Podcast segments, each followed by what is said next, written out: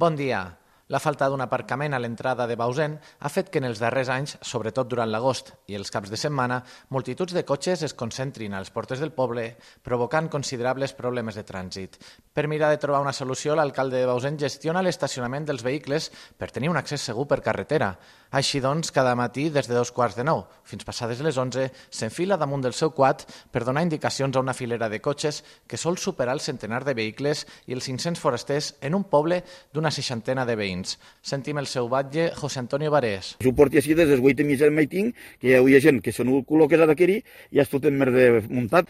Hi ha un tema de seguretat, eh, estratègics en les curves, que pugues veure de curva a curva, te pugues apartar, és tot el primordial i això ja hi ha emergència que tu camis que no arribes a més. Enguany s'ha instal·lat una barrera que s'abaixa quan ja no caben més cotxes a l'entrada del poble.